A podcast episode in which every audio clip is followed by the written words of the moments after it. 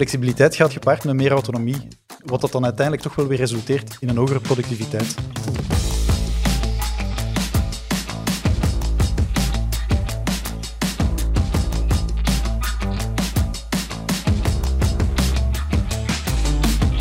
Iedere ondernemer zou geld geven om de toekomst te kunnen voorspellen. Geen gemakkelijke opdracht, want die toekomst zit vol tegenstrijdigheden. Ik ben Dan Luiten en in Paradox, een podcast van Dell Technologies in samenwerking met Tijd Connect, ga ik toch een poging wagen met eh, Koen Segers, Channel Director bij Dell Technologies België en Luxemburg. Dag Koen. Dag Anne. Ja, vandaag hebben we het eh, over de paradox van het nieuwe werken, het thuiswerken. Hoe loopt dat bij jou trouwens? Bij mij persoonlijk loopt dat vrij vlot. Nu om tot te kaderen, binnen Dell Technologies, waar ik werk, is eigenlijk thuiswerken al, al meer dan tien jaar ingeburgerd. Dus we zijn daar eigenlijk ja, een beetje pionier in. En we waren daar zeker niet alleen in hoor. De meeste bedrijven hadden eigenlijk al voor de pandemie al 20% van hun eh, personeelsbestand dat eigenlijk al van op afstand uh, werkte, blijkt uit studies die wij gedaan hebben. Dus bij Dell Technologies zaten we wel een stuk hoger. Daar werkten eigenlijk al 65% van alle medewerkers al vaak van thuis. Wat dat er eigenlijk op neerkwam, dat eigenlijk elke dag ongeveer een 30% van de mensen eigenlijk van thuis werkte. Ja, dus je had ervaring. Inderdaad, ja, ja, zeker en vast. Daardoor was de omschakeling bij ons ook relatief klein eigenlijk. Hè. Dus Alhoewel, ja, met de pandemie die dan plots eh, uitbrak, was er natuurlijk ook voor ons als, als bedrijf was het ook wel een huzarenstuk. We zijn een, een onderneming van 155.000 werknemers. Dus uh, als je die dan plots uh, binnen de twee weken uh, allemaal vlot van thuis moet laten werken, dan was dat toch, wel, toch ook wel een, een uitdaging. Ja, daar gaan we straks wat verder op in. Ik ga je in eerste paradox voorleggen. Klaar, Koen? Zeker en vast. Ja. Het nieuwe werken, je hebt het al gezegd, door de pandemie heeft dat natuurlijk een enorme vlucht genomen. Maar hoe groter de vrijheid die je daarbij uh, krijgt, hoe groter ook de nood aan controle, aan goede afspraken zelfs. Wat denk jij daarvan? Ik denk controle is, is, een groot woord, maar telewerken is zeker niet nieuw. Dus telewerken gebeurde eigenlijk al, bijvoorbeeld in satellietkantoren, vanuit coworking places, of ook al eigenlijk vaak van, van thuis uit. Dus het principe is gekend in bedrijven, maar we merken wel dat werknemers eigenlijk ja, steeds meer vragende partij waren zelf eigenlijk om toch meer inderdaad ook van thuis uit te kunnen werken. En ik denk dat de pandemie dat vooral versneld heeft. Maar ik kan me inderdaad uh, ja, inbeelden voor bedrijven die dat niet gewoon waren, ja, dat er toch... Uh, lichte paniek. lichte paniek was inderdaad, ja. ja. Dus um, ja, ik denk enerzijds waren ze technologisch misschien niet voor klaar, maar anderzijds ook omdat ze het inderdaad niet kenden. Het was niet ja, gebakken in de cultuur. niet voor ja, klaar. Zeker, ja, zeker in, in, de cultuur. Hè. Dus inderdaad een beetje wantrouwig van gaan mensen wel hun, uh, wel hun werk doen, inderdaad. Ja. ja, die controle, is dat dan nodig? Um, is dat een valkuil ook, die vrijheid geven aan mensen? Ja, ik denk zeker dat dat een van de grootste valkuilen is. Hè. Te veel willen controleren. Hè. Dus ik, uh, ik denk dat we ervan uit kunnen gaan dat mensen niet altijd die controle nodig hebben. Maar we merkten wel uit, uit onze thuiswerkstudie die we gedaan hebben, is dat er eigenlijk een vijfde van de bedrijven toch wel thuiswerken tegenhield. Hè. Dus, Jullie hebben een studie specifiek daarover gedaan? Inderdaad, ja.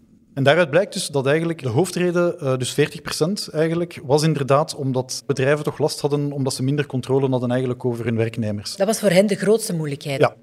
Dus natuurlijk, ja, door die pandemie moesten ze dat dan doen, hè, moesten ze dat dan toch loslaten, die angst. En uiteindelijk ja, blijkt dus toch wel dat dat allemaal blijft draaien en dat de werknemers inderdaad hun taken uh, uitvoeren en soms zelfs beter dan tevoren.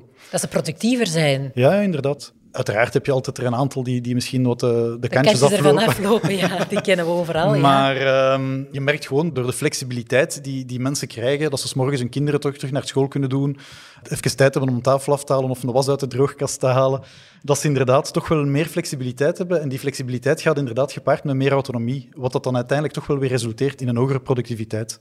Dus eigenlijk was die vrees uh, ongegrond. ongegrond. Ja, ja, inderdaad. Ja. Nu, ik hoor dat heel graag zeggen, die verantwoordelijkheid die mensen zelf moeten nemen, maar ik ga hier toch een beetje advocaat van de duivel spelen. Controle lijkt mij dan toch nog nodig. Ik zou het geen controle noemen. Ik zou het eerder structuur en afspraken noemen. Ah ja. Ik denk dat het cruciaal is bij elke vorm van autonomie dat je duidelijke afspraken maakt. Hè. Dus uh, er zijn een aantal dingen die verplicht zijn. Bijvoorbeeld een teammeeting is verplicht. Uiteraard kun je niet zomaar drie uur uh, onbereikbaar zijn. Dus daar moet je eigenlijk afspraken maken als bedrijf. En je, moet eigenlijk, je kunt dat in policy schieten, zoals een arbeidsreglement. Een beetje de do's en de don'ts van wat kan, wat kan niet. En dat framework, ja, dat moet er zijn, want dat schept duidelijkheid. Hè. Dus niet alleen op wettelijk vlak, maar ook inderdaad uh, ja, over hoe gaan we om met elkaar. Wat is onze beschikbaarheid naar klanten, naar partners uh, in de bredere zin. Ja, dus eigenlijk echt een afsprakenkader gaan maken samen en dan daar controle eventueel op uitoefenen. Ja, dat is inderdaad. Ja, ja. En uiteraard, ja, er moet wel een, een soort van controle zijn, maar dan meer inderdaad werkgerelateerd. Hè. Dus wat is de status van een project? Daar kan je inderdaad controle op gaan uitoefenen. En daarvoor ga je dan opvolgmeetings plannen. Hè. Of inderdaad een aantal check-in momenten. Dat is ook iets dat we gemerkt hebben in het begin van de pandemie, dat er inderdaad uh, regelmatige check-ins waren. Alhoewel ik toch zou afraden ook om dat dagelijks te doen, want dat komt dan wel zeer controlerend, controlerend over. Ja, dat kan zelfs contraproductief dan werken, denk ik. Ja. Ja, ik zou dat ook niet zo graag hebben, dus daarom dat ik het zeg. Nu, we hadden het er juist al over in de toekomst kijken. Um, ja, denk jij dat thuiswerken dat dat een blijvertje is? Gaan we dat blijven doen? Ja, ik denk zeker dat thuiswerken een blijver is. Binnen Dell Technologies hebben we eigenlijk vorig jaar een, een onderzoek uitgevoerd bij 2500 professionals. En daarin hebben we toch eigenlijk gezien dat 83% van de ondernemingen zegt dat ja, thuiswerken een onmisbare en cruciale schakel was eigenlijk... Dat is in, veel, uh, hè? 83 procent. 83, ja, ja, zeker en vast. En, en de belangrijkste reden was inderdaad gewoon om, om hun businesscontinuïteit te kunnen garanderen. Dus er is eigenlijk op dit moment denk ik geen weg terug. Wat we wel dienen te zeggen, denk ik, is dat het waarschijnlijk niet onder de huidige vorm zal zijn. Hè. Dus ik denk dat in amper 20% kwam ook uit die studie dat het thuiswerken zal teruggeschroefd worden naar het niveau van voor de pandemie. Dus de meerderheid zal kiezen voor een hybride model. Hybride, dat is dan en thuiswerk en ook op kantoor? Ja. Ik geloof zelf in een model waar je twee à drie dagen thuis werkt, dat dat een hele goede optie is. Hè, om toch nog ook het contact met de collega's en het bedrijf te behouden. Hè, dus dat er wel bepaalde meetings fysiek doorgaan op kantoor. Maar dat je dat dan gaat combineren inderdaad met andere taken die je dan perfect van thuis kan uitvoeren. En dat hangt er natuurlijk vanaf van bedrijf tot bedrijf, of dat ze dan met vaste dagen, of dat is dan natuurlijk zeer, zeer bedrijfsspecifiek hoe dat, dat, uh, hoe dat, dat gebeurt. Ja, dat kadert dan weer in die afspraken die je maakt met je werknemers. Nu, ik denk ook, het heeft nog wel een aantal allee, andere voordelen. Uh, het heeft uiteraard een aantal voordelen voor de werknemer. Hè. Dus, uh, Kinderen naar school doen, rustig kunnen uh, ja. ontbijten, s ochtends niet in de file staan. Ja, maar ook voor bedrijven. dus ik denk echt wel dat het een win-win situatie is. Wij hebben echt uh, binnen Dell Technologies een, een, boost gezien in de productiviteit. Dus we zien toch wel dat, dat, mensen productiever zijn. Ze moeten natuurlijk over de juiste tools beschikken. Maar we zien dus ook inderdaad ook een aantal andere voordelen voor bedrijven. Uh, ja, er is minder kantoorruimte nodig, minder energiekosten, uh, minder brandstof voor de wagens. Ah ja, goedkoper. Dus uiteindelijk het is heeft, goedkoper. Heeft het naast een economische zelfs een ecologische positieve ja, impact. Ja, ja, dus, maar ja, je zal maar nieuw zijn. Hè? Ik hoor van mensen die bijvoorbeeld net ergens starten in die ja, situatie waar er veel thuisgewerkt wordt. Ook niet evident, me. Nee, nee, nee, dat is zeker niet evident. En, en daar moeten we inderdaad zeker kijken hoe dat we dat specifiek aanpakken. Nu, omdat je, je zegt nieuwe mensen, ik, ik geloof zeer sterk eigenlijk dat het thuiswerken zelfs een, een voorwaarde zal zijn voor toekomstige sollicitanten. Ah, dat dus dat ik... belangrijk is in het kiezen van een werknemer of dat dat mogelijk is? Zeker en vast, zeker en vast. Ik denk de mogelijkheid tot thuiswerken maakt u als werkgever ook aantrekkelijker. Hè? En anderzijds denk ik ook dat het als, als werkgever mogelijkheden biedt eigenlijk om inderdaad andere profielen te kunnen gaan aantrekken. Hè? Als je ook van thuis kan werken, dan hoef je niet eigenlijk altijd onder de kerktoren te gaan zoeken naar heel specifieke profielen. Soms ben je op zoek naar een, ja, naar een heel specifiek... Een expert die wat verder woont of zelfs in een exact, ander land ja, woont. Exact. Ja. En, en, die kan je dan eigenlijk ook uh, toch eigenlijk gaan aanwerven door het feit dat je dan inderdaad in een combinatie zit van thuiswerk of hybride werken. Hè. Dus, ja, uh, dus dat is zeker een voordeel. Ja. En dan misschien een laatste voordeel dat ik toch wel zeker zie, en dat is ook iets wat wij toch als Dell Technologies uh, zeer belangrijk vinden, omdat wij ook een programma hebben lopen om de diversiteit op de werkvloer te stimuleren, is eigenlijk dat je veel inclusiever kunt gaan werken. Dus dat je eigenlijk ook echt ja, mensen uh, kunt gaan, gaan aanwerven die anders misschien niet aan de bak komen. Hè. Mensen met bepaalde beperkingen. Ah, ja. Die dat je dan toch inderdaad, uh, door het feit dat ze zich niet moeten verplaatsen of door het feit dat ze in een zorgfunctie staan nog, uh, zeg maar naar zieke kinderen of ouders, dat die toch gaat kunnen aanwerven omdat die, die combinatie werk-privé iets beter onder controle ja, is. Dat klopt. Had ik zelfs helemaal niet bij nagedacht, maar is inderdaad ook een, een zeer grote win. Nu, we hebben het al gehad over de voordelen, maar dan denk ik, goh, als leidinggevende, manage het maar allemaal. Hè. Die hybride teams, de ene zit thuis, de andere is op kantoor. Hoe doe je dat? Dat is zeker een uitdaging en dat, uh, dat vereist zeker een andere aanpak. Of een andere stijl van managen alleszins. Hè. De ene deel van het team werkt thuis, de andere zit op kantoor.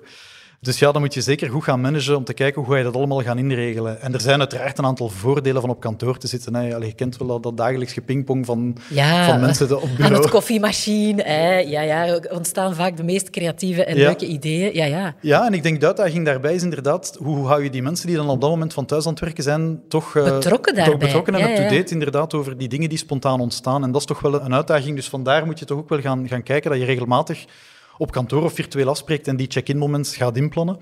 En zeker, ja, die extra effort gaat doen om die go-working momenten echt te gaan creëren. Dat is echt nodig. Ja, ja nou, dat lijkt mij inderdaad wel uh, een goede aanpak om iedereen toch om de zoveel tijd eens samen op kantoor te, krijgen. En ook heel duidelijk te communiceren, denk ik ook. Hè.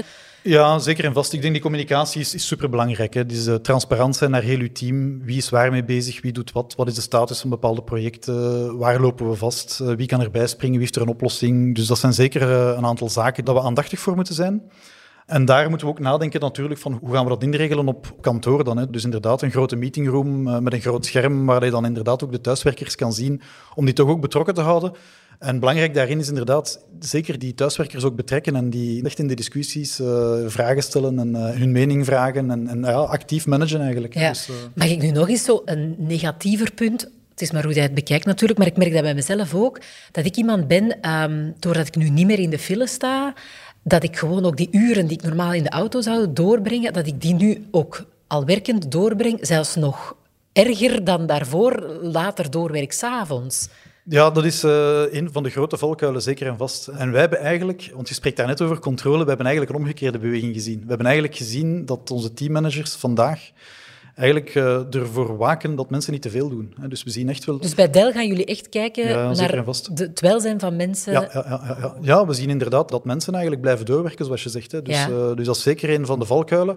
En daarboven, waar je ook zeer waakzaam moet voor zijn, is voor het isolement hè, thuis. Dus dat is zeker ook een van de dingen waar je echt moet op letten. Ja. En in het begin werd dat allemaal opgevangen door keer... De aperitieven van deze wereld. ja, ah, ja, ja. ja, inderdaad, die virtuele aperitiefmomenten of een online quiz.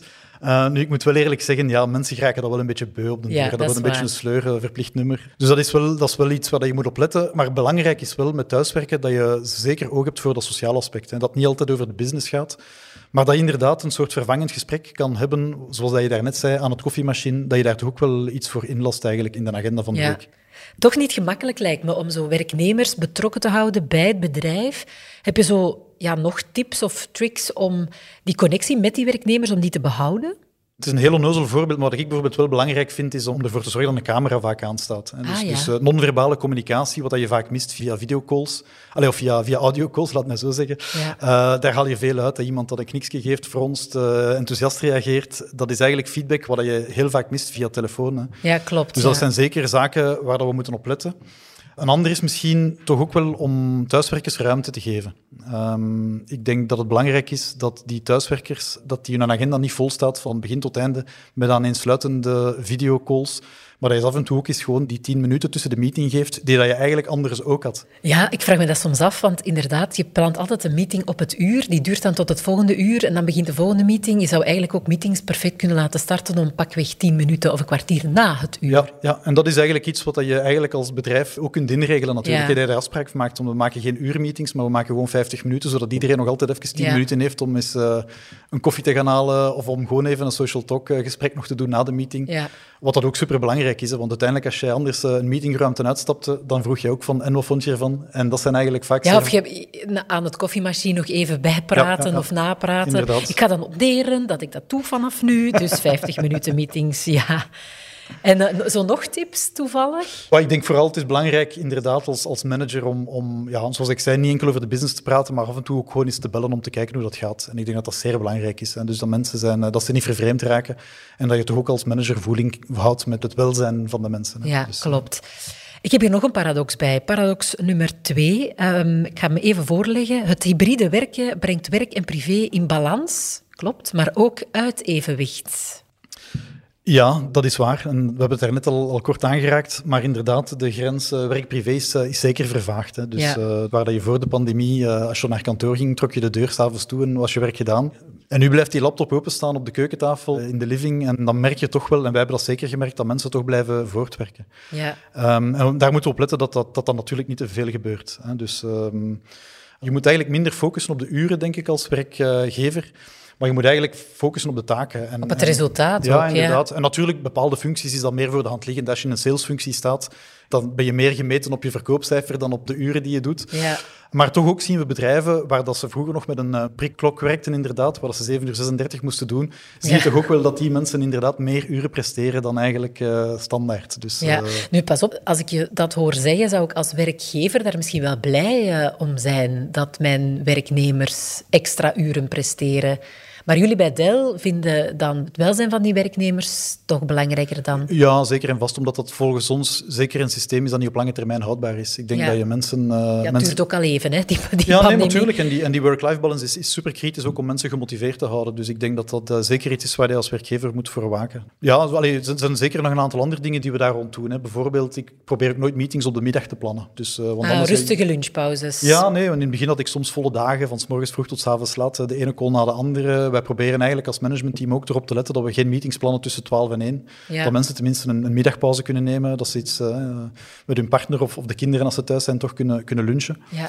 En ook een, misschien een andere tip is toch ook wel kijken naar eh, dat je oppast met s'avonds of in het weekend nog veel opdrachten door te sturen. Hè. Dus je kan al zeggen van ja, maar ja, oké, de mensen weten dat ze enkel naar hun mails moeten kijken tijdens de werkuren. Maar op zich worden ze toch elke keer weer getriggerd. En, en ook al doen ze het werk niet, uiteindelijk zijn ze er mentaal toch weer even mee bezig. En ik denk ook daar is het interessant als bedrijf om daar een aantal afspraken rond te maken. Ja. Om daar toch eh, ja, behoedzaam Ja. voor te zijn. Je zei het net al, mensen zijn productiever eh, tijdens dat hybride werken. Maar hoe, hoe merk je dat? Hoe kan je dat zien, meten? Ja, wij, allee, wij konden dat rechtstreeks vertalen naar eh, onze resultaten natuurlijk. Dus wij hebben daar onmiddellijk een impact van gezien. Maar het gaat er vooral inderdaad om, om, om een goede balans te vinden. Ja. Dus en ik denk, zoals ik daarnet zei, ik denk die, die drie dagen thuis, twee dagen op kantoor, dat kan eigenlijk ideaal zijn. Het zal vooral belangrijk zijn, hoe gaan we dat inrichten? En hoe gaan we die tijd op kantoor zo optimaal mogelijk gebruiken? Ik denk dat je thuis een aantal zaken kan voorbereiden, eh, presentaties voorbereiden, eh, administratie doen. En op kantoor zal uw werkdag eigenlijk totaal anders gevuld zijn met, eh, met contactmomenten, meetings, opleidingen. Dus ehm, wat we wel gemerkt hebben, is dat die meetings remote of van op afstand toch ook wel een stuk productiever verlopen. Hè. Dus door het feit dat je strikt gebonden bent in de tijd, dat je daar toch wel ziet dat die iets efficiënter lopen. En natuurlijk een bijkomend voordeel van thuiswerken of van op afstand is dat je het aantal meetings dat je op een dag kan doen toch wel significant hoger is. Ik zie dat bij mezelf, waar ik vroeger soms twee, drie klantenmeetings deed per dag. Hè. Door, door de verplaatsingen kan ik er nu vijf, zes doen. Ja. Dus dat is zeker een, eh, een additioneel voordeel. Ja, maar sommige meetings, eh, ik, als ik nu ook naar mezelf kijk bijvoorbeeld, ik zeg maar iets, brainstorm meetings, moeilijk hè? Dat is Op moeilijk. afstand, Nee, nee, ja. inderdaad. En, en dat heb ik ook wel gemerkt. Ik denk, het, het stukje creativiteit is voor mij wel, wel zeer belangrijk. Dat dat iets is dat toch wel makkelijker gaat eh, fysiek. Hè. Dus, eh, dus dat daar eh, mensen samenbrengen, tot frisse ideeën komen, dat dat iets is, ja, als je samen in een ruimte zit, dat dat toch wel vlotter gaat. Maar ook in klantencontacten. Hè. En, we merken ook dat het heel... Ja, het, is, het is helemaal niet evident om nieuwe relaties op te bouwen met klanten virtueel. Dus ik denk ook daar ja, zal ik zeer blij zijn als we terug allemaal die fysieke meetings kunnen doen. Maar ik ben er wel van overtuigd dat dat niet allemaal fysieke meetings meer zullen zijn. Dus ik denk inderdaad, de initiële meetings zullen waarschijnlijk fysiek zijn, zeer kwalitatieve meetings. Maar de opvolgmeetings, ja. Maar opvolgmeetings kunnen inderdaad, dat hoeft niet per definitie allemaal eh, Online, om ja. fysiek te zijn. Ja. En daar heb je dan weer je tijdsefficiëntie en je, en je tijdswinst. Ja. We hebben het daar net al over gehad, over die, die work-life eh, balance, dat die wel wat onder druk komt te staan. Bij jullie bij Dell, zijn er bepaalde zaken waar jullie extra nog op letten om die work-life balance bij medewerkers, om die echt goed in evenwicht te houden? Ik denk, we hebben een aantal ja, praktische quick wins aangehaald daarnet. eh zoals s'avonds geen mail sturen en, en, en, zulke zaken. Langs de andere kant denk ik wel dat het belangrijk is, ja, mensen, en je zei daarnet, hè, mensen winnen tijd in hun dag, ze moeten niet meer in de file gaan staan. Je moet ervoor zorgen dat mensen die normaal om zeven uur in hun wagen zaten, eigenlijk ook geen schaamtegevoel hebben om nu tot acht uur te wachten om, om in te loggen in hun, eh, op hun pc. Dus, eh, Ja. dus ik denk dat daar, daar zie je toch wel dat mensen inderdaad, hè, de kinderen zijn het huis uit en ze zetten hun eigenlijk eh, achter hun laptop om te beginnen. Terwijl dat dan eigenlijk niet nodig is. Hè. Dus je kan eigenlijk perfect zeggen van oké, ik neem hier 's morgens nog een beetje quality Me-time. Ja. inderdaad. Ja, ja. En dan pas beginnen werken. Maar dat zijn misschien effectief ook dingen die je als werkgever ook echt moet uitspreken. Hè? Want Ja. mensen verwachten dat misschien ook Ja, wel. inderdaad, inderdaad, inderdaad. En ik denk dat dat ook een bepaalde druk is die we soms, allee, onszelf als werknemer, hè, want uiteindelijk... Ja, we willen allemaal goede werknemers zijn, Ja, dus we doen zo goed ons best. Maar ja, Inderdaad, on the long inderdaad. run is dat inderdaad niet vol te houden. Hè? ja, en dan misschien nog als een, als een tweede aspect, en dat is dan minder gelinkt aan de afspraken die je maakt, maar meer eigenlijk naar de, wat we noemen de, de employee user experience. Hè. En dat is dan gelinkt aan de technologie, wat stel je als werkgever ter beschikking aan je werknemers eigenlijk. Qua om- materiaal bedoel je dan? Qua materiaal, ja, ja, de nodige tools, maar, maar dat gaat zeer breed. Hè. Dus dat gaat eigenlijk inderdaad, dat begint met een goede internetconnectie. Hè. Ehm, Inderdaad. ik, eh, ik heb op een bepaald moment ook thuis gezeten met eh, zowel mijn vrouw als ik, die dan eh, van thuis aan het werken Tegelijk, waren. ja, ja, ik ken het. En, ja. drie, en drie kinderen die dan live lessen aan het volgen waren. Dus ik heb ook een upgrade van mijn, van mijn internetabonnement Ik heb het ook gedaan, ja. ja. Dus- Met ons velen, denk ik. Ja. Inderdaad, inderdaad. Dus, dus allee, connectiviteit is zeker een, een belangrijke. Twee is goed materiaal natuurlijk. Hè. Een laptop, maar niet enkel een laptop, maar ook inderdaad een tweede scherm dat je niet de hele tijd gebogen zit over je laptopscherm. Een goede headset om, om kwalitatief je calls te kunnen doen.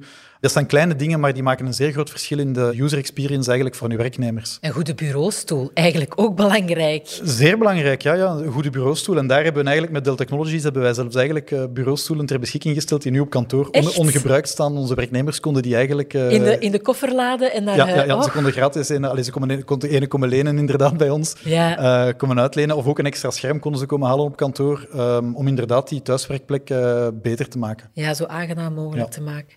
Ongelooflijk. Ik heb nog één uh, paradox, de laatste. Uh, open kantoren bevorderen de communicatie en verstoren de concentratie. Klopt, hè? Mm, ik vind dat zeker dat dat klopt, ja. In een open office hoor je alles hè, waar de anderen mee bezig zijn. Uh, op zich ook, heeft het zeker positieve zaken. Hè. Dus ik denk dat je inderdaad kan snel inpikken op dingen die gebeuren. Het, voedt ook de discussies tussen collega's, wat dat supergoed is natuurlijk. Maar anderzijds, ja, het zijn zeer veel prikkels en, en het zorgt ook wel voor concentratieverlies. Nu, belangrijk is om te zeggen, je hebt dat op kantoor, in open kantoor, maar uiteindelijk allez, gaat hetzelfde thuis op. Hè. Dus mensen die geen eigen werkplek hebben thuis of geen eigen apart bureau, ja, die maken hetzelfde uiteindelijk mee uh, thuis en met rondlopende kinderen. Of, uh, dus, um, ja, ik ken het. En eh, ik denk ook dat het belangrijk is om bepaald werk op kantoor dan te gaan doen en ander werk thuis. Als je echt moet concentreren op teksten, lezen, dat soort zaken, niet onderbroken mag worden enzovoort, doe je beter thuis. Maar effectief andere zaken ga je dan wel op kantoor, ja, inderdaad, inderdaad. Op kantoor doen. Ik denk dat er daar, um, ja, moet je ook goed kijken, wat is de reden inderdaad hè, om naar kantoor te komen? Daar begint het mee. Ja. Uh, en dat verandert volledig. Hè. Dus het is niet meer dat mensen naar kantoor komen en inderdaad zich achter een vast bureau zetten. Nee, het is, je gaat naar kantoor eigenlijk voor meetings, voor brainstorms, voor een coaching, voor een training te doen. En eigenlijk de rest van die andere klassieke kantoortaken, die kunnen eigenlijk een stuk verdwijnen, want die kan je eigenlijk van thuis doen. Dus, dus ik denk inderdaad dat als je gaat kijken naar het kantoor van de toekomst, dat dat vooral zal bestaan uit een aantal meetingrooms met grote schermen, waar dat hybride teams dan kunnen gaan, kan samenwerken. Af en toe inderdaad ook een apart uh, lokaal, inderdaad, waar je dan toch nog in privacy kan bellen, of een aantal stille ruimtes waar dat toch nog wel werk tussen kan gedaan worden tussen twee uh, meetings door. Maar het gaat zeker uh, ja, zeer veel coworking spaces worden. Dus ik denk inderdaad dat... Uh... Flexdesk en zo, hè, dat je niet meer je vast kantoor ja, of je vaste bureau inderdaad, hebt. Inderdaad, En eigenlijk binnen, binnen Dell Technologies, wij waren net voor de pandemie uh, een week verhuisd naar een, nieuwe, naar een nieuw gebouw.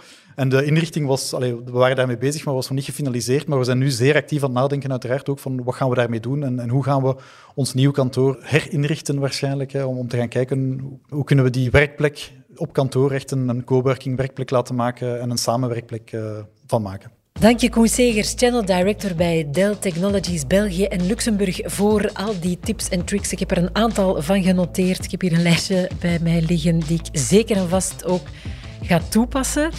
Meer vind je ook op tijd.be schuine streep paradox. Daar staat trouwens ook nog een andere aflevering van deze podcast. En die gaat over data en uh, de tegenstrijdigheden eigenlijk die data met zich meebrengen. We hebben het over de mogelijkheden, de uitdagingen, beheer, opslag. Met andere woorden, zeker en vast ook de moeite om te beluisteren.